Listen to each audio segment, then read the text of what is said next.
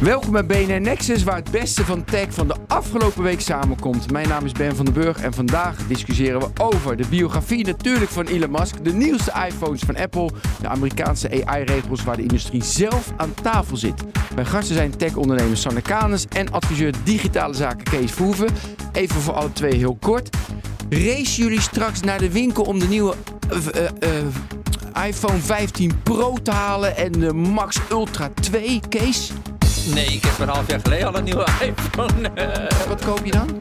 Ik koop niks. Ik weet niet van die. Ik denk dat weet niemand die heeft. San? iPhone 14 of zo? Ik ook. Ik heb de iPhone 13 ook net gekocht. Dus ik laat hem. Nou ja. Nee, ik, ik, ik, ik weet niet. Nou. Ik zei wat ik, ik kwam laatst met mijn oude Apple Nee, computer kwam ik in de winkel en toen zei ze: Ik vind het zo leuk om dit oude beestje nog eens te zien. Dus ik had blijkbaar ook heel lang met die Apple computer gedaan. Dus ik ben niet zo'n eh, Nee. zo'n jager. We zijn al begonnen. Oh, sorry. Oké, eh, ook natuurlijk de gast eh, Daniel Mol. Daniel, Hallo, Ben. jij race naar de winkel? Eh, ik ga voor het eerst in vijf jaar upgraden. Naar? Een 15 Pro. Toch wel. Ja, 1200 euro door het putje. Maar lekker. Daar gaan we het straks over Hartstikke hebben. lekker. Ja, dat is Jongens, gear, leuke gadget, leuk. Oké, maar eerst. Elon Musk, de biografie is uit. Daniel, zet, het, jij, zet jij het maar even neer. Ja. Geschreven door eh, Walter Isaacson, 700 pagina's aan Elon Musk. Eh, eigenlijk hebben we direct ophef gezien over dat boek, over de inzet van Starlink in Oekraïne. Nou, volgens mij moeten we het daar sowieso even over hebben. Over hoe hij omgaat met zijn werknemers. Volgens mij vind jij dat vooral heel inspirerend, eh, Ben. Ja. En ook nog allerlei andere dingen. Zijn relatie met actrice Amber Heard. Ook op? Twitter uitgebreid uitgemeten. Ja. Heel bijzonder. Ja, Ik wil gewoon, we beginnen nu definitieve oordeel. Elon Musk. Oké, Eh, eh, Kees, nou- definitieve oordeel. Wat denken wij eh, over Elon Musk? Nou, zeg maar te machtig en in potentie ook wel gevaarlijk. Oké, Sanne, Megalomaan. megalomaan. Ja. Ja, oké. Nou, dan, eh, ik vond het een beetje zielig. Wat dan? Vertel maar even. Nou, ik, ik, ik heb dat boek, ik, ik heb maandagnacht de hele nacht gelezen, want ik moest eh, dinsdag na op één over dat boek vertellen. Maar ik heb toch, weet je, in het begin had ik, wow, het inspi- inspireerde me ook. Zo, die, die, Waarom? nou, die, die verschrikkelijke focus om tot iets te komen. Weet je, en als het een topsporter is, dan zeggen we allemaal top. En als een topsporter dan zijn trainer uitscheldt en dat Marco van Basten het heel normaal vindt dat zijn Liesbeth zijn tas draagt, want hij verdient het geld, dat vinden we allemaal grappig en mooi. Nou, vind ik ook niet grappig. Oh, dat vind je ook niet grappig. Maar als wij, dus we, we, we schuiven het allemaal weg. En al de gekte van heel veel mensen dat accepteren. Was Matthijs van Nieuwkerk, weet je wel, we- accepteren we gelukkig ook niet. Dus er zit een balans in van wat we dan nog accepteren als je complete gek hebt. Nou, Kijk- maar hier heeft het te maken natuurlijk met de rijkwijde van zijn eh, impact die hij heeft. Ik bedoel, als je het internet aan kan zetten in een oorlog, dan is het wel iets anders dan een talkshow op Nederland 3. Ja, nee, maar dus zijn, zijn rijkwijde is nog groter. Maar dan is dus de vraag, wat is je rijkwijde? Maar ik zal eerst de inspiratie vertellen. Van de, en de inhoud, dat die echt van dag en nacht doorgaan. Ik had deze week, heb echt weinig geslapen, maar dat kwam ook. Ik was toch geïnspireerd. Ik ja, als Elon Musk nachten doorgaat, Ben, zit niet te zeuren, hup, doorgaan. Dus wil je tot iets komen, en dan is het natuurlijk van wat is goed, wat is slecht, is, is dat wel een lekkere mentaliteit. Maar nu aan de andere kant, die man, ja, weet je, het is gewoon, je zou hem niet willen zijn. Kijk, hij heeft gewoon moeite met zijn leven. Het is echt zielig. Maar dat zie je natuurlijk, je ziet dat bijna altijd bij mensen die extreem ver gaan om doelen te bereiken, zie je eigenlijk bijna altijd dat het ongezond is. Ja. Dat er iets eh, aan ten grondslag ligt. Eh, ook in een jeugd waar hij dus voortdurend in elkaar werd geslagen. Zijn vader die keihard tegen hem was toen hij een keer eh, eh, thuis met een dik opgestoken Nee, een week in het ziekenhuis. Dus vreselijk, vreselijk eh, behandeld worden in Ja. je jeugd geeft een soort geldingsdrang die zich vertaalt naar bizarre pres- prestaties. Ja, het is heel ongezond. Maar het is natuurlijk ook wel weer heel inspirerend of bijzonder. Maar ik moet je wel zeggen, ik ben de afgelopen jaren zelf heel erg opgeschoven richting. Het mag wel wat minder. eh, want zo iemand is natuurlijk ook voor zijn omgeving eh, helemaal niet prettig. En wat Sanne zegt, ook voor de wereld dus niet. Ja. Zullen we even die Oekraïne-case naar voren halen dan? Nou, ik vind Omdat het eerst die- wel even interessant. Sowieso het algemene frame van dat hij het. De, de- ik heb een tweet van Marieke Kuipers voor me. Dat is een, eh, soort social media expert, TikTok fact-checker. Dit is best, best grappige tweetjes, heeft zij af en toe. En zij zegt. ehm, Musk heeft met behulp van de goedgelovige media een mythe rondom zichzelf gecultiveerd als ge- gekweld geheim genie. Dat, en daaronder, dat ze reageert op een tweet waar jij bij op één aan het uitleggen bent dat hij dat is. Dus dat vond ik wel Hm. grappig om erin te gooien. Maar vinden jullie dat ook? Klopt? Eh, want iedereen zegt natuurlijk hij is, eh, hij is heel ingewikkeld, maar hij is ook wel heel slim. Klopt dat wel? Want Nou, misschien... wat zij zegt, maar ik, wat, ik, wat ik moeite heb met die tweet. Kijk, dit klopt. Het is een gekweld genie. En zij zegt. Ja, maar is hij- dat zo? Dat weet ik niet. Nou ja, Misschien is het gewoon een gek.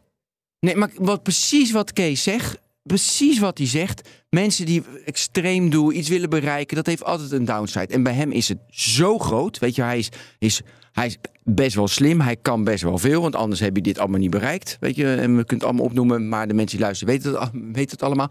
Dus zijn downside is ook heftiger.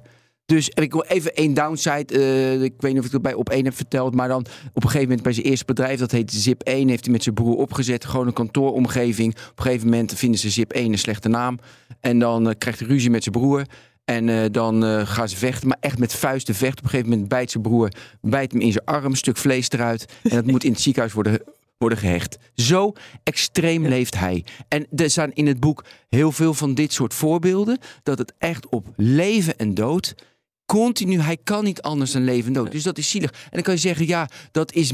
Oké, ja, maar als hij zo is, is hij zo. Ja, maar ik vind het een beetje. Op zich ben ik het wel met haar eens in de zin van. Kijk, bij Steve Jobs of zo konden we dat zeggen. Dat was een eikel, maar wel een. eh, eh, iemand die onwijs geïnnoveerd heeft op een bepaald vlak. Maar en dat- dat was niet iemand. eh, dat was niet zeg maar. extreem rechts. Of da daar neigt Musk nou, een beetje naar. Daar moeten we het echt over hebben. Want- nee, ook maar dat, is, dat vind ik een van de cruciale dingen in het boek. Dus hij, weet je, heeft de Democraten, heeft hij, eh, eh, heeft hij eh, weet je, fonds gegeven, zeg maar geld gegeven. Dus hij was best wel politiek altijd normaal. Maar toen kwam corona. En hij zit natuurlijk constant op het randje van wat mogelijk is en niet. Toen, werd hij dus een beetje rechts, wappie. Dus corona. En ook belangrijk, staat ook in het boek. Met zijn dochter, die, die is geboren als, als man en is nu vrouw geworden. En dat is voor hem in zijn hoofd ook heel moeilijk. Dus de hele gender issue. Maar nu is hij dus inderdaad gek. Net zoals zijn vader, racistisch, Mm. complottheorieën denken. En dat, bedoel, maar, maar, dat, maar dat schrijft ze niet. Maar weet je, dat is natuurlijk wel de afgelopen jaren gebeurd. Ja. En nu is, die be- nu is het best wel link en extreem. En, en, en wat voor impact heeft hij nu? Ja, dat is denk ik wel eh, de kern dat hij echt wel een gebrek aan een moreel kompas heeft. Ja, En als je bijvoorbeeld naar Bill Gates kijkt, die had natuurlijk ook heel veel rijkwijde, maar die had nog wel echt altijd een moreel kompas. En dat gevoel heb ik ook wel bij Steve Jobs. Ehm, Ja. Dat hij dat had. Ja. Dus ik denk dat het daar zat. Nee, die, ongelooflijk helemaal niet. nou ja, Maar, Nou. nee, Meer dan Musk nog? nee. is meer aanspreekbaar, denk ik, door de omgeving Maar- dan Musk. Maar en dan ook nog in de combinatie met het feit dat hij een ongeleid projectiel is. maar dat is... En dat is een gevaarlijke combinatie. Ik wil, Ja. Ja, Kees, Nee, het is, het is natuurlijk fenomenaal om te zien dat we elke keer als er een grote tech-ondernemer opstaat, st- staan we eerst te juichen, te applaudisseren, te buigen als politiek. Oh nee, u bent geweldig, wij blijven er wel op afstand. En elke keer zie je dat die downsize dan komt met te veel macht en rare ideeën en, en, en op een verkeerde manier geld verdienen en be- be- bepaalde mensenrechten of, of waarden of principes doorkruisen. En Musk is daar het meest extreme voorbeeld van in de afgelopen 30 jaar. Die gaat het verst en vind ik dus ook het gevaarlijkst. Precies zoals, zoals Sanne ook zegt. Want Bill Gates is toch van een andere orde. Maar het betekent dat we dus veel beter moeten opletten van waar, waar liggen de grenzen van zo'n persoon. En we vinden het heel lastig om een ondernemer grenzen op te leggen. Maar dat moet wel. Ja. Dat moeten we doen. En dat vind ik eigenlijk het mooiste onderwerp. Van, Ja. van hoe kunnen we dat nu vooraf voorkomen? Hoe kunnen we nu in ons kapitalistisch systeem, kunnen we nu van tevoren, kunnen we nu iets doen? Je ziet het aankomen en, en, en nu, want ja, het is gewoon een ondernemer. Het is altijd eh, macht corrumpeert. En ook bij tech-ondernemers corrumpeert macht. Dus je moet altijd macht tegen macht. Dus op het moment dat iemand toegang krijgt of bezit heeft over cruciale systemen, Ja. dan moet er al een. Politiek of een, of, een, of, een, of een overheidsorganisatie opstaan en zeggen we gaan op een bepaalde manier nadenken over waar dit op uitloopt. En dat is in het verleden, de afgelopen 30 jaar met alles wat met internet gebeurde, steeds tien jaar te laat Te laat. gebeurd. Oké, maar nu zijn we relatief zijn we goed bezig. We gaan het straks hebben over AI en het congres in Amerika. Hartstikke mooi. Maar nu even van hoe we dat dus tegen kunnen gaan. Dan zeggen we van, gelukkig, we hebben de DSA. Dan ku- kunnen we X van Musk, kunnen we in Europa kunnen we tegengaan. Maar ja, niet in de rest van de wereld. Dus weet je, wat we dan doen is best, is best lastig. Oh, ik heb er één, ik heb er één. Popt op. Kijk, Musk heeft extreem veel, staat niet in het boek, is ook weer glad van die Isaacson. Musk heeft extreem veel subsidie gekregen. Hij ging gewoon naar de staat waar hij gewoon een, gigafactory het best kon bouwen. Dat hij eh, in Nevada. eh, weet je, hij heeft de staten in Texas, de staten uitgekozen waar hij subsidie kreeg. Mm. Waarom heeft de Amerikaanse overheid niet ingezien? Want dat is alleen maar stimuleren, stimuleren, stimuleren, groot worden. Want het moet bij ons zijn, het moet bij ons zijn. Maar ze hebben dus die subsidie gegeven. Ja, en dat is dus even met... eh, ja, heeft hij veel macht met Tesla? Nou ja, hij, hij is de, de rijkste geworden, dus hij heeft veel macht. Nou ja, dan hadden ze die subsidie niet moeten geven. Ja, maar dan is de vraag van zijn die subsidies bedoeld voor productontwikkeling en werkstimulering in die omgeving? Of eh, Ja, ga je dan is- helemaal een analyse maken op eh, of iemand op het spectrum zit of niet? Nou ja, bij wijze van spreken. Nou, vind ik, nee, maar dat vind ik een goeie. Want je kan dus van... te- Ga je inderdaad... Dat is een mo- mooie, want je geeft subsidie, werkgelegenheid, mooi. Weet je, in, in de rural areas in Amerika moet het ook doen. Moet ook, eh, weet je wat wij vroeger, Kees, dat wij, Ja, wij nog in Groningen, PTT, ja, ja, ja. Groningen moesten nog. Eh, maar ga je dan analyseren, en dat kan je niet doen. Ja, die gast, weet je, die zit op het spectrum, asperger. Nou ja, dat hoeft niet erg te zijn. Bipolair is overgesproken, hoeft ook niet erg te zijn. Maar toch, bij hem, als hij zoveel macht krijgt, escaleert het. Ja, ik vind het ook wel een groot verschil natuurlijk. Kijk, voorheen had hij dan eh, Tesla en SpaceX. Goed, eh, toen zat hij nog een beetje in het, eh, in een beetje in een soort Iron Man was het toen. briljante wetenschapper, doet allemaal gekke dingen. Toen kocht hij Twitter. En daar is het volgens mij echt, daar heeft hij echt die, die Zuckerberg-achtige macht gekregen. En Ja. heeft het nog een stapje verder genomen. En dan wordt het volgens mij gevaarlijk. Daarvoor, ja, Tesla, eh, SpaceX was wel. Nou, Tesla, ik kreeg zelfs vaak te horen van nou, eh, ik, ik vond vijf, zes, ik bedoel, ik vond vijf, zes, zeven jaar geleden Musk ook al een beetje eng. Ik, ik herinner me dat ik een keer in een, in een radiostudio zat en toen zei iemand tegen me, ja, maar Musk heeft in zijn eentje meer duurzaamheid gebracht dan alle regeringen bij elkaar met Tesla. Dus ik moest wel wat meer respect voor hem hebben. Hij heeft fa- fantastische dingen gedaan. Maar dat kun je altijd wel zeggen. Iemand heeft fantastische dingen gedaan. Het gaat om een veel principiëler iets. Ik bedoel, ieder- we willen allemaal wel fantastische dingen. Maar we hebben ook iets als rechtsstaat, eh, je aan regels houden. Andere mensen moeten ook op een bepaalde manier kunnen profiteren van wat jij ontwikkelt. Er zijn gewoon bepaalde principes. En daar houden dat soort mensen zich niet aan. En die principes, los van eh, psychologische stoornissen of, of bepaalde karaktertrekken die heel extreem zijn. Want dat, dat ben ik eens. Dat kan je niet betrekken in de Nee. manier waarop je met iemand omgaat. Dat moet op een, op een menselijk, psych- psychologisch niveau wel natuurlijk, maar niet op, op, op, op overheidsniveau. Je moet dat soort mensen een bepaald kader eh, bieden. En dat is er gewoon nooit geweest. We hebben altijd te veel ontzag gehad voor tech. Het was ongrijpbaar, het was innovatie, het was wetenschap, het was bedrijfsleven. Het was nooit overheid, het was altijd grenzeloos. En daar is het gewoon elke keer Kees, misgegaan. dus er is geen kader geschapen de afgelopen 30 jaar in tech. Eh, Even heel, Klopt. ja, Ja generaliserend. hoor. Maar dat gaat de komende 30 jaar ook niet gebeuren. Want de, ja, nee, ja, iets beter, maar ja, en, maar we weten helemaal niet wat en hoe. Daar gaan we straks ook, en we hebben het hier heel vaak over. Dat is best wel lastig in Ja. ons kapitalistisch systeem, hoe wij in elkaar zitten. is echt aan het veranderen, Ben. Ja, oké, Ja, vertel. Dat weet ik 100% zeker. Nou, vertel. Nou, we, we hebben altijd in, de, in het verleden gezien dat bepaalde revoluties altijd gepaard gingen eerst met grote machtige ondernemers. En later is altijd een, een politiek gekomen die heeft gezegd we moeten dit indammen. En natuurlijk Ja. weten we niet welke kant het op zich ontwikkelt. Dus je weet niet wat over tien jaar de grote innovaties zijn. Dus je loopt altijd achter de feiten aan als, als, als, als overheid.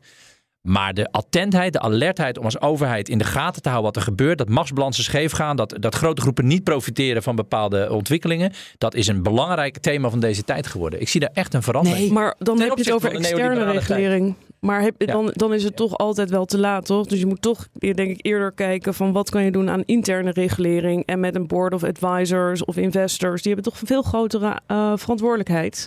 Want die houden dat ecosysteem in stand. Maar dat bedoel je de mensen die. Musk moet dan vragen om mensen die hem tegenspreken in, in, een, in een raad van Nee, nee, ik commissarissen. vind een hele goede investors een bijvoorbeeld. Ja. Oh, investors. Ja, ja, Ja. oké, ja. Kijk, als die investors... Want kijk, maar het is Het is mooi. toch ook aan het veranderen? We willen toch ook niet meer allerlei slechte eh, eh, fossiele en, en, en Ja. alle andere investeringen bij banken. Je ziet toch dat consumenten ook op deze manier aan Ja, het veranderen maar- zijn? maar- Eens, maar wel mondjesmaat. Dus je hebt al in eh, Amerika, want je- er is natuurlijk nog steeds gaan die korte termijn prikkel dat, eh, eh, dat je gewoon als bedrijf eh, kwartaalwinst moet maken. Je hebt de long-term stock exchange. Echt heel goed initiatief waar er veel meer wordt gekeken van wat is de impact, eh rijkwijde op het ecosysteem. Ehm, maar er zijn tot nu toe maar twee bedrijven bij aangesloten. Dus het gaat heel langzaam. Maar het, het gaat wel komen. Maar dat vind ik echt een van Ja. de goede initiatieven waar moreel en sustainability gewoon echt beloond wordt. Goed, maar er zit ook een, een fundamentele flaw in. Want jij bent een individu en je wil je kinderen laten studeren. Dan, dan verlang je toch een rendement van als ik Tesla aandelen heb. Ja, want ja, ik moet. Ik moet want je, maar je zegt van ja, je moet wel, je moet wel sustainable. Dus het is een hele moeilijke afweging tussen eh, ja, wat algemeen belang is en natuurlijk individuele belang. Dat speelt Dus- in ieder mensenleven natuurlijk een rol. Hè. Je, je, je verdient op een bepaalde manier geld. Dat is belangrijk, want dat geef je dan aan je Ja. kinderen en aan je partner en aan, en aan, de, en aan je, je omgeving en je genaast. Maar je verdient het geld op een slechte manier. Is het dan slecht of goed? Nou, ik Ja. vind dan dat je dat toch ook op de manier waarop je geld niet ook moet kijken in de spiegel. Maar ja, dat is natuurlijk een, een worsteling die we allemaal hebben in het leven. Maar dat gaat wat ver voor hier. Eh, hier ga, ik vind het, dit voorbeeld, je moet de mechanismes. Ik vind het punt van Sanne super interessant. Ik zit natuurlijk gelijk als oud-politicus aan, aan ja. externe overheidspolitieke regulering te denken. Komt altijd te laat, maar heeft zeker, heeft zeker imp- impact. Maar wat, wat Sanne zegt, is eigenlijk, je moet het eerder doen eh, bij de investeerders en misschien zelfs wel bij de mensen die Musk adviseren. Ja, dat zou fantastisch zijn als er mensen opstaan die tegen Elon Musk zeggen: joh, dit gaan we niet financieren, dit, gaan we niet, eh, dit geld gaan we je niet lenen. Of dit is zo'n slecht plan, we gaan het tegenhouden. Ja, oké. en die Maar nu is hij te machtig. Ja, maar er zitten dus eh, pensioenfondsen die, die dat zijn mede-investeerders. En dan krijgen de pensioenfondsen, krijgt krijgt oma minder pensioen. Ja, en dan zegt oma, ja, mijn pensioen gaat naar beneden. Dus weet Ja, je, dat, dat, is, dat ja, blijft toch- een hele lastige... dat blijft Ja. een hele Ja, lastige kwestie. Maar dat kom is je- tien dan kom je de groeidoctrine uit. Ah, ik wil, we- nog, ik wil nog heel even Ja, een klein beetje eh, terug Gelukkig. naar, want Ja. eh, straks zijn we een soort van eh Filosofie, existentiële filosofie. kapitalistische discussie aan het voeren. Heerlijk. Ehm, zeker heerlijk, maar voor een andere podcast misschien. Oh. Eh, ik wil nog heel even kort naar het Starlink-incident. Ja, Eh, Zeker. dat hebben we de luisteraar beloofd. Eh, hij heeft zeg maar eigenlijk gekozen om met Starlink niet mee te werken aan een Oekraïense eh, droneaanval op de Krim. Dat is het verhaal. Dat staat dus in die biografie. Heel veel gedoe over. Is dat dan het ultieme voorbeeld van dat hij te machtig is geworden of ligt dat anders? Nou, Het is. Oh ja, sorry. Ja, dat denk ik wel, toch? Het feit dat, er dat er één tech-CEO een knopje, bij wijze van spreken, een red button heeft van aan of uit. Dat, dat is natuurlijk wel echt een heel goed voorbeeld dat iemand wel veel te veel macht heeft. Ja, Ja. maar goed, eh, nu, kan, eh, nu kan Google, eh, nu kan Sandu Pichai, die kan echt ook echt de wereld in één keer met één knopje. Of Microsoft. Micro- Ja. Als Microsoft, de alle, als. Microsoft alle Dus datacenters uitzet, werkt niks meer in dat Nederland. is exact hetzelfde. Nee, wat Ah. ik Ja, Nee, wat ik fundamenteel interessant vind. Kijk, hij levert internet. Hij heeft van tevoren, want dat staat trouwens, heeft de Isaacson later gezegd, verkeerd in het boek. Eh, hij had, uiteraard. nee, het stond al uit. Het stond al Ja. uit. En die avond dat hij gebeld werd, wilden ze dat, dat hij het aanzette. En dat durfde hij niet aan. Maar het stond al uit. Maar dus in die, eh, in die zone stond het uit. Maar het is dus interessant. Je levert de fundamenten van het internet. Weet je, wel, sectie 230 Amerika. En wat er uiteindelijk op gebeurt, dat is een andere. Wat je ermee doet, dat is een andere. Nou, hartstikke mooi. Alleen, ik vind deze heel moeilijk, want hij levert wel internet in bepaalde delen wel, andere delen niet. Ja, dan bepaalt hij toch weer bepaalt hij wat er gebeurt. Dus het ging over geofencen. Ja, geofencen Ja. van dat stukje dat hij niet gaf. Ja, dus hij eh, zegt een postcode wel, die wel, die niet. Ja, omdat dat dus eh, conflictgebied is waar de Russen claimen dat de Krim van hun is.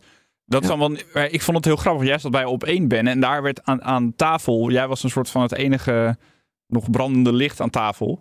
Eh, op een gegeven moment was iedereen gewoon alleen maar heel boos dat Elon Musk internet had geleverd aan Oekraïne. En toen dacht ik, maar misschien Ja. is dit ook niet helemaal de goede discussie. mensen want weten dan helemaal niet precies hoe het zit. Nee, ze want- van alles roepen. Daar moet je dus ook niet naar dat soort talkshows gaan. Je beter in de radiostudio blijven en zitten. wat op zich, eh, op zich Starlink leveren aan Oekraïne is natuurlijk. Nee, dat no, lijkt me mooi. uitstekende- Voor internet, hartstikke goed. Het enige probleem is dan dat hij eh, bepaalde keuzes kan maken op basis van dat de Russen dan bij hem zitten te dreigen voor nucleaire oorlog. Dat is, daar gaat het natuurlijk mis. Maar Nou, en nu, wat natuurlijk ook de kritiek is, ja, dan verkoopt hij het nu aan de Amerikaanse defensie. Nou, er zijn toch zoveel, ja, ik kon dat niet zeggen bij op maar er zijn toch zoveel wapenleveranciers? Precies. Ja, die is gewoon een wapenleverancier. Ja, geen wapen. Maar, maar dat is andere- een goede vergelijking. Het wapenleverancier, dat, dus dat, we moeten het ook zo zien. En dat impliceert ook dat er een veel beter controlemechanisme moet zijn. Hè? Dat defensie, de NAVO, Juist. Eh, het, moet een, het is een geopolitieke beslissing en niet een eh, supply eh, hij maakt beslissing. gewoon spullen en eh, dat verkoopt hij. Gewoon als een Ja, markt. als een handelaar. Mag ik even een ander licht op de zaak? Kees. Want dat is ook goed, hè? Ja, fijn juist. Die Willen defensiecasus is, is super urgent. Die voelt als heel erg beklemmend. Zo van, oh, iemand kan op één knop drukken en dan veranderen de geopolitieke verhouding of het oorlogstoneel verandert volledig. En dat klopt. Ja. Dat is heel gevaarlijk. Ik heb altijd gezegd dat ik met Twitter vind ik hetzelfde. De manier waarop hij zijn visie op de vrijheid van meningsuiting neerzet in een door iedereen in de wereld gebruikt systeem wat heel veel invloed heeft, waarbij je dus eigenlijk zegt, mijn systeem, daar mag je iedereen mag alles zeggen, je Ja. mag intimideren, bedreigen, ik laat het allemaal gebeuren, het is een leuk schoolplein. Daar is ook zijn visie op een bepaald fundament van onze rechtsstaat. Is net zo goed heel erg van invloed op de manier waarop we met elkaar discussiëren. Dus bij Defensie, dan schieten alle, alle nekharen gelijk in de lucht. Oh, eh, eh. Maar ik vind dat het bij, bij Twitter al een paar jaar bezig is. Dat het helemaal verkeerd gaat. Dat zijn mening bepaalt hoe wij met z'n allen Ja, mogen discussiëren. maar ik ben met Dus hij is in meerdere opzichten aan meerdere. Hij zit op, mijn punt is, hij zit op meerdere knoppen. En de ene knop is misschien wat concreter dan de andere. Maar hij zit sowieso aan te veel knoppen. Ja, Ehm, ik, vind, eh, met, ik vind met de DS, ik vind met Twitter vind ik de DSA prettig. Dus als wij in Europa dat echt gewoon goed handhaven, wat natuurlijk weer niet gaat gebeuren, maar dat is echt de kern. Als je de DSA goed handhaaft, dan kan X slash Twitter, Twitter voor ons, kan, weet je, dan heb ik daar hoop op. Maar ik denk niet dat ze handhaven, dus dan ben je weg. Eh, ik wil, Heel cynisch, maar oké, ja. ja, nee, maar je weet Maar hij wat heeft er Ben ook ongelijk in. Gaat natuurlijk wel gebeuren. Uiteindelijk, Ik denk de het politi- ook. uiteindelijk heeft de Oh, politiek altijd weten te handhaven. Alle oliebaronnen eh 200 jaar geleden, eh, die waren ook veel te machtig.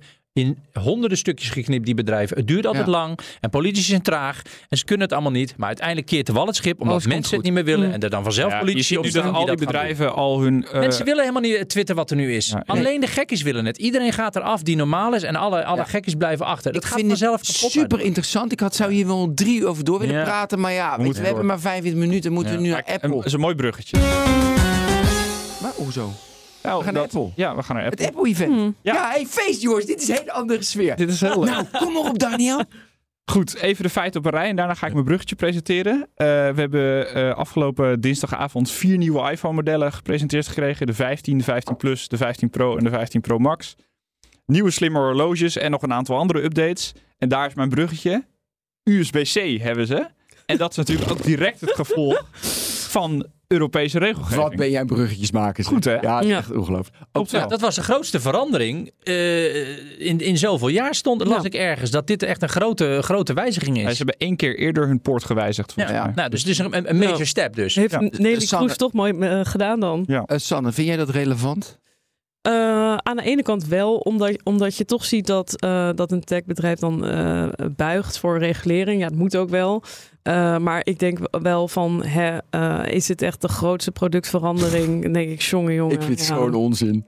Ja joh, dan heb je een USB-C, dan heb je een lightning kabel. Wat maakt maar maakt het nou uit? Kom op nou. Het gaat gewoon wel Je kan ook met MagSafe kan je ook gewoon alles laden. Ja, ik, ik, ja, nou ja, oké. Eh, op het niveau van de gewone consument en het, en het, en het beïnvloeden van, van keuzes die toch echt wel impact hebben op, op, op allerlei eh, de- de- dingen die, die consumenten dan weer moeten aanschaffen, is dit wel een, gewoon een goede Ja. stap. Oké. Het betekent groot- iets. dus toch- Weet je, dit is een beetje het trucantwoorden. Ja. Van, ja, we maken alles Mm. klein wat betekenisvol is en we maken alles groot wat niet belangrijk is. Ja, dan krijg je dus precies de wereld waarin we nu dreigen te gaan leven. Dit zijn wel belangrijke stappen. Jij zegt net 1200 euro down the drain. Eh, eh, mensen moesten, moesten altijd allerlei verschillende dingen weer aanschaffen en zo. En dat is gewoon... Ja, dat was duurder dan die Nou 1200 ja, hoor. het gaat niet eens om de Nee, prijs. Het gaat vooral, we zijn aan het verduurzamen met z'n allen. En volgens Dat mij heeft iedereen 782 kabels in de, in de Ja, kast dat, liggen. dat punt. En dan vind ik wel dat je als Europa gewoon toch een heel simpele, eigenlijk een heel simpele verandering afdwingt. En dat, dat, dan gaat een bedrijf als Apple dus ook Ik gewoon mee. toch, iedereen heeft thuis wel ergens zo'n laadje, vaak in je Ja. tv-kast of ergens op zolder, Ja. zo'n mandje waar allemaal oude zooi in ligt. En je durft het niet weg te gooien, want je denkt, oh, het komt nog wel een keer van pas. Ja. Totally crazy, daar hebben we 30 jaar lang allemaal geaccepteerd. En nu wordt daar een klein, klein beetje Ja. een Maar verandering ik vind ze een oninteressant onderwerp. Ja, Ja. dat snap ik ook. Het is hardware, het kabeltjes. Maar is het niet ook heel... Totdat je eh, hem kwijt bent, hè? dan heb je stress en loop je het hele Ah, joh, naar door, heb je er kabeltjes. zoveel. ja, maar je hebt er toch altijd 100 bij. Of, Ja. of USB-C kabels gewoon in je huis. Ja, Ja, maar wat- stickerdoos. Wat wel interessant is, ja, vind ik van die hele iPhone 15 Pro, is bijvoorbeeld dat de chip nog sneller is. Maar dat valt best wel tegen, zeggen ze A6 10%. Dus ik heb even naar die core GPU's, dat is maar van, van 5 naar 6. Nee, Dus van de- 4 naar 6 volgens mij. Nee, nee, nee, nee. nee. Van vijf- ik heb gisteren nog Oh, alles opgezocht. oké, van 5 naar 6 en CPU is hetzelfde gebleven. De rest is alles hetzelfde gebleven. Dus dacht ik, ja, en da- dan halen ze toch weer 10% meer snelheid, meer kracht Ja. uit. Zeg je, wat moet je met die kracht? Hij is snel genoeg. Je kan toch met een oude eh 13 die jij hebt, of eh sommigen zitten nog met een XS, kan je het er ook nog prima eh, doen. Maar weet je, naar de toekomst toe, denk ik, weet je, met 3D, dat je kan filmen voor de Vision Pro. Ja, dat, dan, dat, Maar- vind, ik, dat vind ik leuk. Maar waarom doet Apple dan elke keer van die kleine incrementele stappen en niet eh, gewoon een radicaal nieuw anders product? Nou, Zij zei Boepka. Sergio Boepka. Oh, gaaf. Nee, dit moet je noemen. Ik denk niet dat...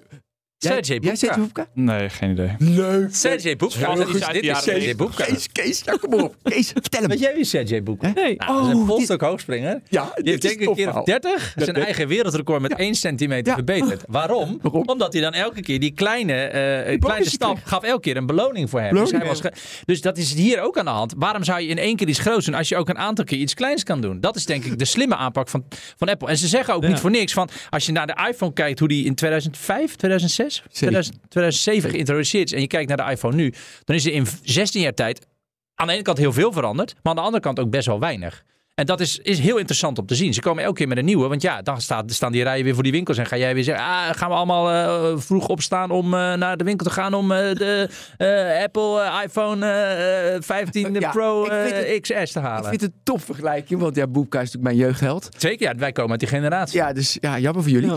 Eh, iedereen gaat de jonkies hier die, die hebben even een beetje sporthistorie. Dank je. Ja, maar ze lopen dus altijd net iets voor wat eigenlijk Ja. wat je nodig hebt als consument. Ja. Dat vind ik ook. Daardoor gaat mijn fantasie. Wat kan je er allemaal mee? Waarom doen ze dat? En hadden wij van de week op de, hadden wij het over Daniel. Over dat dat toestel is zo krachtig. Ja. Dan wordt een scherm wordt gewoon dood. Weet je, dat hoeft helemaal niks meer te doen. Want alles is het, het centrum is jouw telefoon. Dat, die gedachte vind ik mooi. En vanuit je telefoon heb je een ander scherm waarbij je kan doen wat je wil. Dat, dus die gedachte vind ik mooi. Ik vind de Vision Pro gedachte vind ik mooi. Ehm, ja, en kijk, en ook, weet je, hij zegt 1200 euro door de drain. Ja, maar jongens, je gebruikt hem de hele dag. ja, het is een laptop in je zak. Ja, het is vier, vijf ja, uur. ik ga er vijf jaar mee doen, dus dan eh, dat is het plan. Vijf jaar. Ga ik ermee doen? Ja. Oké. Nou, dat ehm, dat valt dan hartstikke mee. ook heel belangrijk. Hoe belangrijk is het gewicht? Jij gaat helemaal... eh, Nee. Ja, ik had nee, allemaal interessante dingen over duurzaamheid eh, voorbereid. En eh Oh, nou, nee, jij komt met gewicht. En, Ja, eh, dat is mega belangrijk, jongens. je dat? speelt voor mij 0,0% een rol. Behalve als hij 3 kilo gaat wegen, dan vind ik het wat. Maar ik zou het echt. Ik, ik heb nog nooit nagedacht over het gewicht van mijn iPhone. Nee, maar hoe die in de hand ligt, hè, dat is toch heel belangrijk. Ja, ik vind het... ik, Ik heb ook, ik heb ook, ja, ik ga even, ik ga even Nou, ik moet nu, dus misschien ook weer heel. Ik denk nu van, je hebt altijd, misschien kun jij er iets over zeggen. Vrouwen hebben altijd handtasjes. Mannen die steken die telefoon echt, die gooien hem in een rugzak. Ja. En die denken het zal wel. En ik heb hem soms in mijn kontzak, vind ik het al irritant. Dus ik zou hem wel iets Ja, kleiner willen. Maar ik weet niet, ja, heb Ja. jij daar een mening over? Heb jij Max? Nee, dan zou zeker. ik nog kunnen zeggen, oké. Heb jij een eh, Max telefoon of heb je een normale? Wel een Max. Eh, nee, gewoon een normale. Gewoon, zie je dat? Ja. Dus heel veel vrouwen nemen gewoon, want Max is net iets te groot voor. Wat Ja. denk ik de hand. Nou ja, to- Dit eh, is allemaal joh, belangrijk, ik kijk Daniel. gewoon eh, welk abonnement krijg ik het beste telefoon bij. En dat is het dan. Dat Even vind ik- over Ja, duurzaamheid, hè? Eh, Ja, ik vind het, ge- Ja, het het is gewicht, jammer dit, eh, hoor. ik vind het gewicht op een deadlift interessant, maar niet het gewicht van mijn telefoon. wow, de deadlift, hè? Die is wel pittig, hè? Die is pittig. Oké, nou, jij Deze wel- is aan sporten, hè? Dat, Nee, Ah, jij, dat, jij wil eh, over duurzaamheid. Nee, maar die presentatie, dat vond ik leuk. Dat is, ik, ik weet niet of jullie het allemaal gezien hebben, maar dat stond toch voor een heel groot teken in, Ik heb het gezien. in het teken van duurzaamheid. Met Moeder Natuur, een hele sketch met Tim Cook en alles. Slecht, hè, die sketch. Nee, vond ik wel leuk eigenlijk. Flauw. Ja, Oké. Nee, Nou, het feit dat Apple een van de leidende door. bedrijven in, in de wereld. Sorry? Apple, een van de leidende bedrijven in de wereld. ja, de, want het is het meest Het- waardevolle. Eh, dat die duurzaamheid zo centraal stellen. Is natuurlijk ook gewoon super belangrijk voor, voor het, het denken Voorbeeld. over. Maar ook toch wel hypocriet, toch? Ik Ja, bedoel, vind je het geloofwaardig, Sanne? nee. Eh, als er echt gewoon weer innovatief was, denk ik, eh, en een bijdrage aan sustainability was geleverd, dan hadden ze toch meer gedaan met een soort van upcycling proces. Dat je je oude iPhone kan laten vernieuwen of dat je je, eh, de onderdelen eh De kan Europese wet nu, hè, dat ze het moeten, eh, dat je onderdelen moet kunnen, dus weer Europa, dat je hem uit elkaar, dat je moet kunnen repareren. Nou, precies. Maar Ja. zoiets verwacht Wow, je dat toch ik- wel. Ik, ja, ik vind het gewoon, denk ik, ik vind het een beetje whitewashing. Nee, daar heb je gelijk in. Greenwashing. Aan de andere kant, je kan je oude, oude iPhone wel voor... krijg je nog wel wat voor Daar kan terug, je toch? inleveren. Jij zult niet veel krijgen als je al vijf jaar geleden... Minder eh, dan 200 euro heb ik gegeven. ja, en toen moest ik de precies. staat doorgeven en toen werd het... Maar, een, eh, dus je zegt, Ja. je moet hergebruik van al die, die, die materialen, kobalt, metalen en zo, moet je allemaal. eh, maar dat doen ze ook volgens Dat doen ze. Ja, een heel nee, groot het is- doen ze dat al. en- Er in ontstaat er ook een enorm tekort aan. Eh, China koopt toch die hele grote hoeveelheden Ja, klopt. eh, metalen op die nodig zijn. Maar nu de doelstelling 2030, dat hij helemaal alles, dat hij a- a- helemaal weer, dat helemaal alles reusable is. En nu zijn ze ook met 100% allemaal, ja, prima. Wat ik ook, eh weet jij zegt hypocriet en dat triggerde mij. In het begin zie je allemaal van die mensen, en ik, oh, eh, weet je, dat de levens zijn. Dus heel erg de, de purpose proberen ze te laten zien waarom jij per se een Apple Watch moet hebben. Mm. Ja, de- en het zal, weet je in de, eh, die wordt best wel veel verkocht. Miljoenen keer. Dan heb je drie mensen die dan gered zijn. Ik geloof het direct. Dat is hartstikke fijn voor die drie mensen. Maar ja, ik heb een beetje van, ja, dit is ook greenwashing. Dit is ook een beetje mij bang maken van, ik moet zo een Apple Watch hebben. Want stel je voor dat ik straks omval en dan word ik gered. Ja, dat gevoel krijg ik erbij. Ze willen mij bang maken, want angst verkoopt. Weet je? Ja, maar dat is toch eh, die, die, die very sure reclames. Ja, maar Dat daar de kijk hele je toch tijd, eh, doorheen. Nou ja, hoeft- ik, ik, Apple heeft ik wel, niet maar heel nodig? veel mensen natuurlijk niet. Maar dat is inderdaad ook een, eh, hoe noem je dat, greenwashing? Ja, dat is ook greenwashing, whitewashing, wat je ook maar wil. Heel veel washing. Oké. Ja. eh, Wil je nog over eh, je andere dingen hebben? De, ja, de, graag. de titanium afwerkingen, Ja, de ja. gewicht. Nee, eh, nee de- belangrijk. Kijk, kijk, nu is het titanium, dus licht. Dat is heel belangrijk. Maar ik, het, ik, ik, ik eh, kijk, de alle, kijk, ik heb ook een, ja, een Pixel Pro van, van Google. En die, ligt, die is iets dunner. Die ligt heel lekker in de hand. Maar nu heb ik dus die grote Max 14 Pro. En die, dat doet pijn aan mijn pink. Ja, ik ga Oh. nu echt in detail. Hè. En Daniel zit echt erbij te kijken. Gas, Ja, ja, kap hier alsjeblieft. Nou, dus nu wordt, zijn, de, zijn de randen iets ronder. Dus dan gaat hij iets lekkerder in mijn hand liggen. Ja, jullie zitten te kijken van Ja, gas, we zijn ben een jij soort, we zijn een soort bright geworden, maar eh, Ja, nee, het is echt leuk om vandaag aan te schrijven bij Tweakers. Dankjewel voor Ja, de insight. sorry, ja, dat is heel slecht wat ik nu doe. ja. Maar normaal, oké, want we, we, hier, we zijn hier op aarde voor. Wat is de gevolgen van technologie op de samenleving? Juist. Juist. Dus wat, wat zijn de consequenties van? Daarom hadden we het over duurzaamheid. Wat zijn de gevolgen van een lichte gewicht? Ja? Nee, ja, maar dat moet ik nu verzinnen. En nee, dat mensen, weet je, het eh, hebben een prettiger gevoel bij een, een telefoon. Mm. Iets anders. Eh, de watches moeten we het over hebben. Is dat zo? Nee, dat denk ik wel. Nou, de- steek van wal zou ik zeggen. Ik, Nou, mag ik nog één ding zeggen? Want ik Ja. vind het eigenlijk wel heel erg frappant dat we in elke vertical of elke productlinie heel erg bezig zijn met het juiste kopen. Hè? Met plant-based eten en met eh, natuurlijk gewoon eh, sustainable katoen dragen en Ja, zo. in jouw Maar gordelgrachten bubbel, hè? Maar goed, ga Ja. door. inderdaad. Ja, ja, Ehm. en, en, en, er zijn ook mensen die dus buiten Amsterdam wonen, hè, ja, Sanne? Kom bij Sanne. Ja, jij eet vast ook op maandag geen vlees. Ehm, Klopt, ja. Maar ja, precies. Eh, Maar ik vind het toch eigenlijk wel heel gek dat die, ehm, dat, dat nog niet eh, die perceptie is van de consument van we, we gaan ook letten wat voor materialen eh, onze laptop, onze telefoon is gemaakt. En waarom gaan we niet toch overstappen naar de Fairphone of zo? Ik vind dat, ik vind het toch gek Ja. dat tech zo achterloopt. Of de consument daar niet, niet zo bewust is. Ja, maar, dan, maar dat, dat, toch altijd dat om komt, functionaliteit. dat komt omdat de, de morele eh, keuze verliest het van de hypnose door de, de geweldige mogelijkheden die, die Ja. geboden worden. Dus op het moment dat jij naar die winkel gaat om die, om die iPhone met al die nieuwe snelheden en nieuwe eh, eh, mogelijkheden en zo te kopen, dan ben je daar zo op gefocust en dan geef je dat zo'n ge- genot dat je, dat je gewoon voorbij gaat aan Ja. de langere termijn belangen als materiaalkeuze. En dat, soort- dat, en daar, maar dat vind ik nog. We hebben het daar helemaal niet over gehad. We hebben het over de, de verantwoordelijkheid gehad voor de aarde. Verantwoordelijkheid gehad voor hoe het in je hand ligt. Mijn, mijn paradepaard. Mijn paradepaard. Ja, ik vind het heel vervelend voor je pink. En ik echt ik, mijn kan je hele wel, ik leven weet wel een goede manicure. Ik weet wel een goede manicure. Die kan je nagel ietsje eronder afveilen. Dan heb je hetzelfde effect. Maar goed, we kunnen ook de hele Apple-fabriek eh, anders instellen. Maar de verslavendheid van die, eh, van die eh, telefoons, die zouden ze minder moeten maken. Dan zouden ze natuurlijk een hele, hele eigen verdienmodel ook helemaal kapot Maar is maken. Apple er niet verantwoordelijk voor? Dat zijn de services Ja.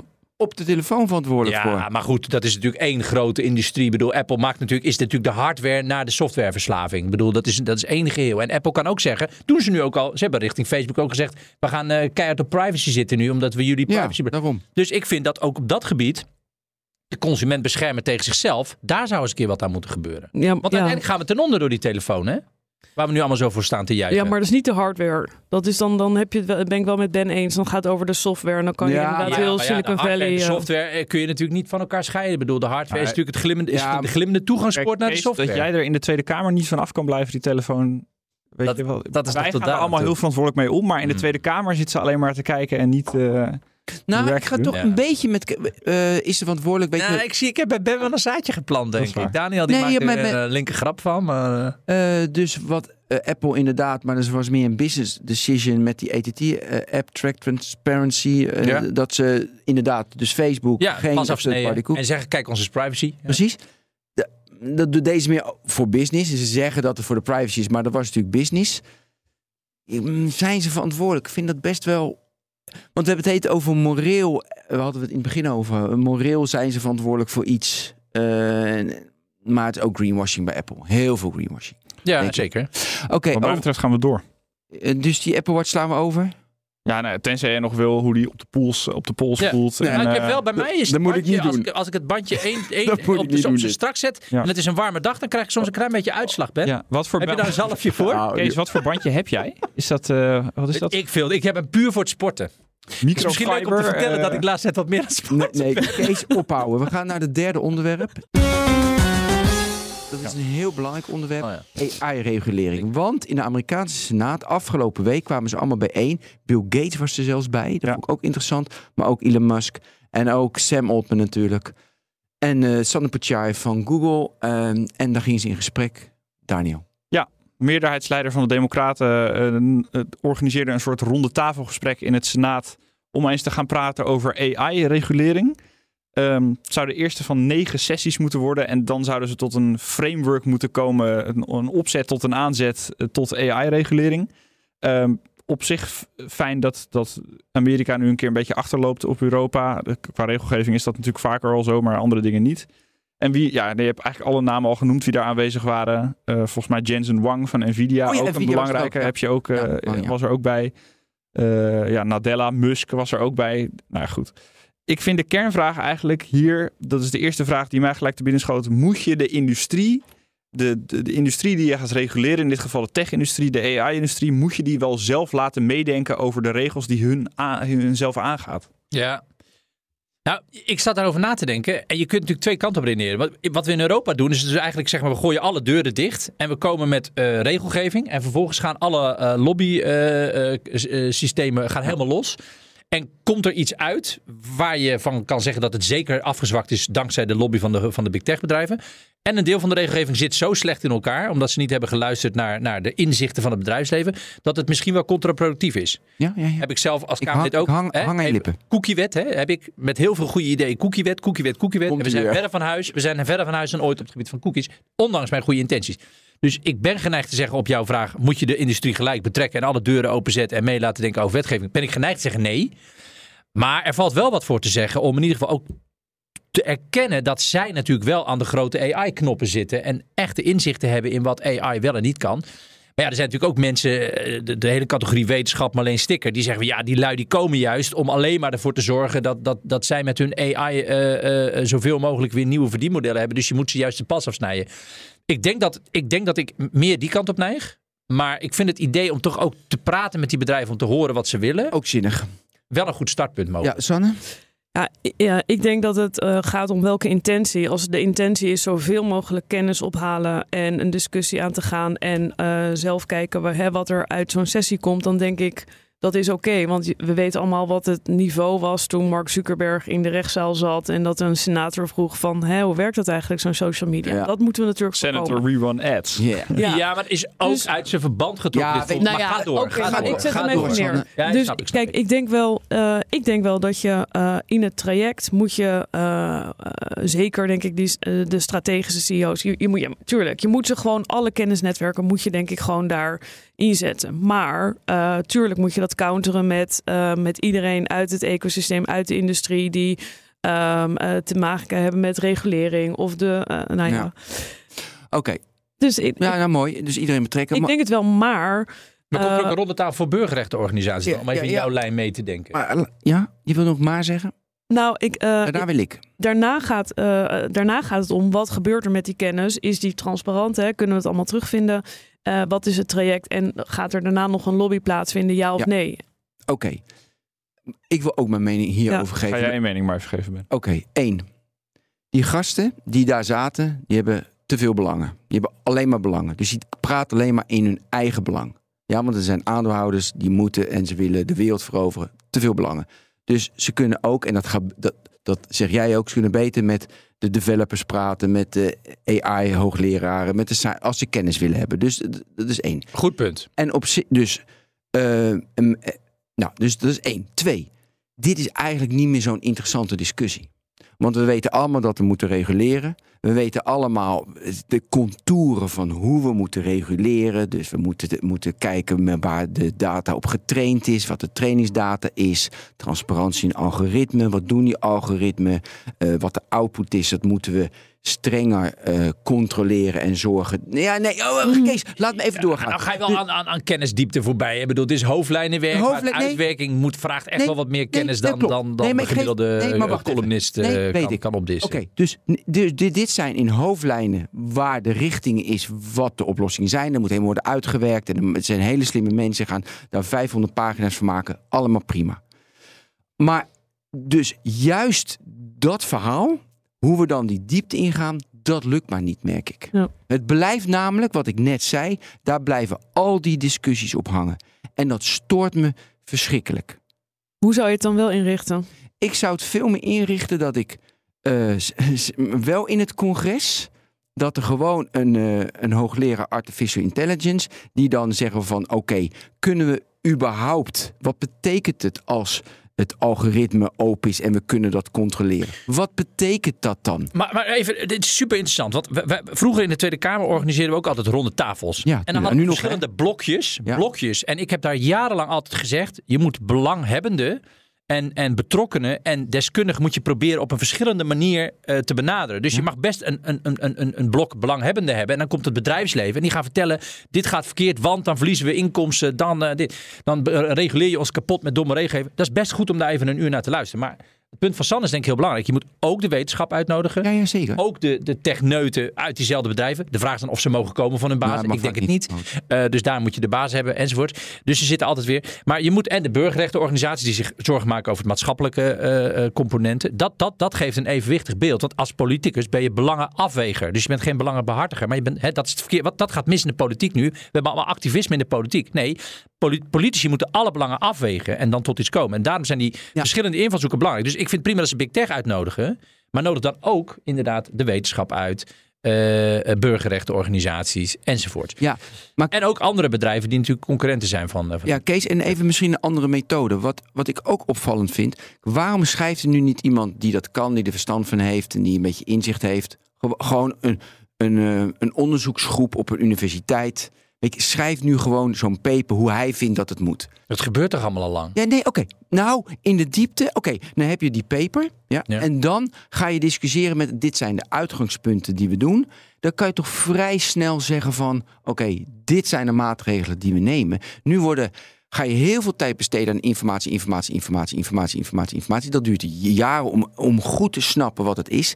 Terwijl er best wel mensen zijn die al snappen wat het is. Dus dat je meer iteratief tot die regelgeving komt. In plaats van nu de plannen maken en dan het implementeren. Maar dat het meer iteratief en, en vloeiend moet zijn. En dat je het ook sneller moet kunnen aanpassen. En dat je mee moet kunnen bewegen met die technologie. Spreek voor zich. Dat is allemaal al lang een probleem. Nou ja, de, de wetgevingssystemen in de, in, in- zijn nog steeds ouderwets. En die moeten aangepast worden. Er moet nieuwe vorm, er moet nieuwe manier van wetgeven komen. Ja. Dus agile werken in de Tweede Kamer. Eh, eh, ja, Hey, wat er uitkwam, hè? eh, Elon Musk die, die zei na afloop van... nou ja, we hebben we, hartstikke belangrijk dat we dit doen. Dan heb ik ook weer een cliché. En die zei dat er een, een, eh, een soort scheidsrechter moest komen. Toen Ja, had ik van- onafhankelijk, eh, orgaan. En hij vergeleek het met een sportwedstrijd. Toen dacht ik van ja, de regels. Ik heb bij sport zijn de regels helder. Weet je, Boepka wist gewoon, weet je wel, hoe, hoe die moest aanlopen. En die lat lag daar. Dat, dat zijn de regels van het polstuk hoogspringen. Ja. Maar dat geeft natuurlijk ook wel heel erg aan hoe hij AI ziet. Hij ziet dat als een wedstrijd. En hij ziet het alles eh, een voorsprong. Eh, hij wil eh, de zes maanden pauze inlassen om niet meer eh OpenAI. ehm, Ja, een pauze om Ja. te zorgen dat we even rustig kunnen Ja, nadenken Ja, wat er moet Ik gebeuren. had ik- eerder... Sorry, sorry. Nee, Sanne, jij gaat altijd voor. vind ik ook. Ehm, ik, ik denk dat dat ehm, ook bij, eh, bij Elon Mu- Musk natuurlijk wel gaat gewoon. Hij ziet het als een wedstrijd. En daar moeten we gewoon scherp op zijn. Van hoe, eh, de vraag zou moeten zijn: hoe, hoe kunnen we AI inzetten voor een maatschappelijk belang? En de discussie gaat nu over hoe kunnen we de, eh, de risico's zo inperken dat er niet een derde wereldoorlog komt. Ja, dat vind ik een mooie. Ik, ik had eerder het idee dat hij bedoelde dat er gewoon een soort toezichthouder moet komen. à la de, bijvoorbeeld de SEC in Amerika, die houdt toezicht op aandelen en beurs. Ja. Gewoon een soort, en dan een AI-toezichthouder Ja. die losstaat van de overheid. Ja, maar ik heb Dat naar- vind ik ook een slim idee. Ik heb Dat- naar CNBC Ja. gekeken, was breaking news. Breaking news live with eh, met Elon Musk. En toen zei hij, in de, toen vergeleek hij inderdaad met een sportwedstrijd dat dat breaking news was. Vond ik ook wel leuk. Maar Uiteraard. nou, Altijd breaking 6-0 news. voor Ja, maar Elon. onafhankelijk toezicht is gewoon een fundament van, van eh, eh, alles wat met reguleren te Ja. maken heeft. Je schrijft een wet en je hebt ook een toezichthouder die die wet toetst. En je hebt, dan heb je ook nog rechters die vervolgens een uitspraak doen op het moment dat, dat, er, dat er een discussie over ontstaat. Dus dat is allemaal helemaal niet nieuw. Ehm, Kees. en nou, dat moet wel. eh, Jij bent er ook met een petitie bezig, eh, met een iets eh, van dat... Ja, in Nederland hebben we die petitie. En ik heb ooit als Kamerlid ook nog gezegd: er moet En een algoritme waakhond komen. maar is dat nog Ja. wat geworden? De petitie is afgelopen dinsdag aan de, aan de Ka- Kamercommissie Oh, Tweede Kamer aangeboden. Acht, acht Tweede Kamerleden die, die aan onze lippen hingen. En ik mocht daar even een verhaaltje vertellen. Er is een katshuissessie geweest die versneld is door de petitie. Kijk, We eh, zitten hier zo met een succesboy, hè? Eh, echt, eh, één groot is één groot unaniem Ivonie, één groot unaniem belachelijk groot succes. Nee, maar even serieus, ik Oh, weet heus wel dat ik in de marges van, eh, van, van, van de geschiedenis opereer. Maar die, die, die petitie heeft er in ieder geval voor gezorgd dat we een beetje weer die ogen hebben geopend. Ja, nu gaat die Tweede Kamer die die petitie in ontvangst hebben, gaat natuurlijk weg. Want we hebben verkiezingen. Dus we zijn ook weer bezig om nu de nieuwe eh, partijprogramma's, om daar ook weer een beetje AI-savviness Ja. in te krijgen. dus de maar ja, lobby het is, is, eh, aan alle kanten gaande. Hè? het is trek aan een, eh, aan een heel Hey. langzaam eh, Nog- oud eh, paard. Ja. Nog heel even Terminaal paard. Eh, Ja, in nee. de VS. Pardon. Hey, jongens, we gaan even naar Daniel luisteren. Nee, de, Ja, de- dat is in de VS hebben ze dus ook nog een vrijwillige veiligheidsbelofte eh, af, afgesloten met elkaar. Belofte om interne en externe audits te doen en informatie te delen met elkaar en in cybersecurity te investeren. Haalt dat nog wat uit? Is dat iets, eh, zeg maar de bedrijven onderling hebben zich gecommitteerd aan een belofte aan het Witte Huis? Is dat eh, verder geen Ja. consequenties zitten eraan van? Kijk, Sander, ik- kijk, moet eigenlijk Nou ja. de opstaan hier. Ja, ik wil niet cynisch doen, maar ja, eh, ik vind het toch wel heel lastig om hier iets positiefs op te zeggen. Maar wie weet, hè? Ik denk wel, ehm, Vind ik wel opmerkelijk, want jij hebt toch bij Google en Spotify gezeten, Sanne? ja, dat klopt. Ja. Eh, nou, ik denk dat de, de vraag ook is van, hè, wat kan je aan interne zelfregulering doen? En eh, het staat toch ook met, denk ik, de cultuur, de bedrijfscultuur. Wat zijn je doelen, wat zijn je doelstellingen en waar optimaliseer je voor? En als dat gezond is, dan, dan denk ik dat we echt wel een, eh, zeker nog een positief statement kunnen maken. Goh, wat hebben we de week weer goed doorgenomen. hè? We weten echt alles verdekken deze week.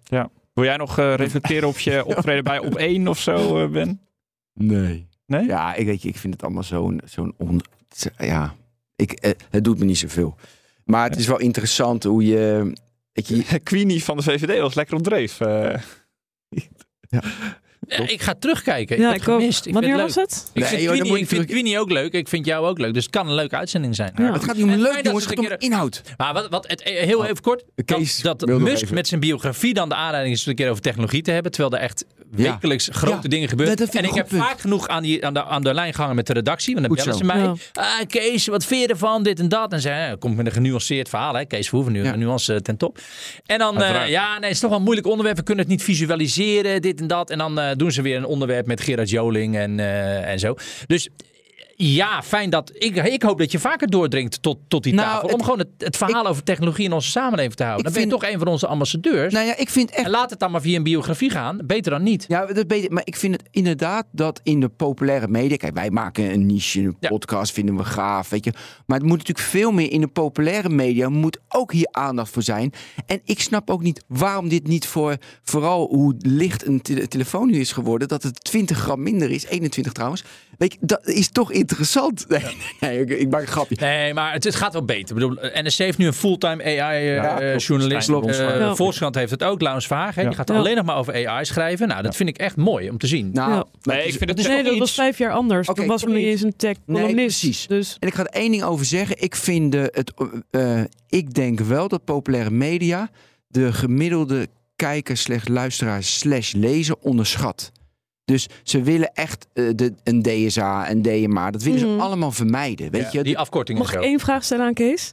Denk jij dat er bij de volgende verkiezingen nu eindelijk een minister van digitale zaken komt? Nee, Ik kom altijd weer ik denk terug. echt niet. Nee, Ik denk, dat het, eh, het, het onderwerp is afgelopen twee jaar door de hele crisistijd en alle andere grote slepende kwesties is het helemaal weer Kees, weggezakt. we, kunnen nu wel Alexander van Huffelen evalueren. Hoe vind je dat ze het gedaan heeft, die Best wel goed. Ik ook. Mm. Ik vond, nou goed. echt, ik vond nou echt goed. Ze, ze- laat ik het zo zeggen, ze heeft op een smal pad gewandeld, Ja. maar ze is een eind gekomen. Ik had het nooit toen ze me. Ik dacht echt. pff, nee, ze heeft Alexander het best oké dacht ik hè, toen het begon. Maar zij, ik vond haar echt, ik vond blij was ik Mm. met haar. Ja. Leuk hè? Dus Ja, jongens, heel goed. Hij extreem, de hele tijd, eigenlijk altijd goed ingelezen op alle onderwerpen. Ik- Er we hebben een laatst een- paar keer in het BNN Digitaal Ja, gehad. absoluut. Open Stond- stond ze. Er stond een eh, interview in eh, NRC, meen ik, eh, met eh, Dijkgraaf Ja, goed en interview. eh, Van Huffelen samen na die AI-sessie. Ja. Belachelijk dat de BNR dat niet heeft gekregen, maar NRC. Maar zwaar. Eh, dat is een geintje. Ja, weet ik. Nee, ehm, dus echt. En, maar dat was echt, eh, dat vond ik echt.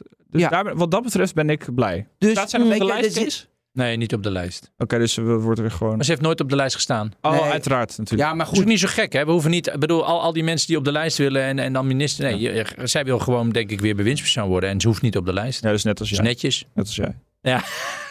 Oké, Nee, net niet als ik. oké. Zullen we dan maar afronden? Dit was Ja. BNNX. Nou ja, jongens, dit was weer echt. Sanne bedankt. Graag Kees gedaan. bedankt. Daniel bedankt. En Ben, bedankt. Ja, graag gedaan. Volgende week zijn we weer met een nieuwe Nexus. Luister alle andere techpodcasts. We hebben er echt veel, hè? Ja. We hebben een technoloog. Eh, oh ja, met technoloog gaan we het volgende week over sp- eh, co- eh, spatial computing. Mooi. En eh, we hebben natuurlijk BNR Digitaal, de Cryptocast, noem ze allemaal op. Dus luister allemaal, allemaal updaten in je.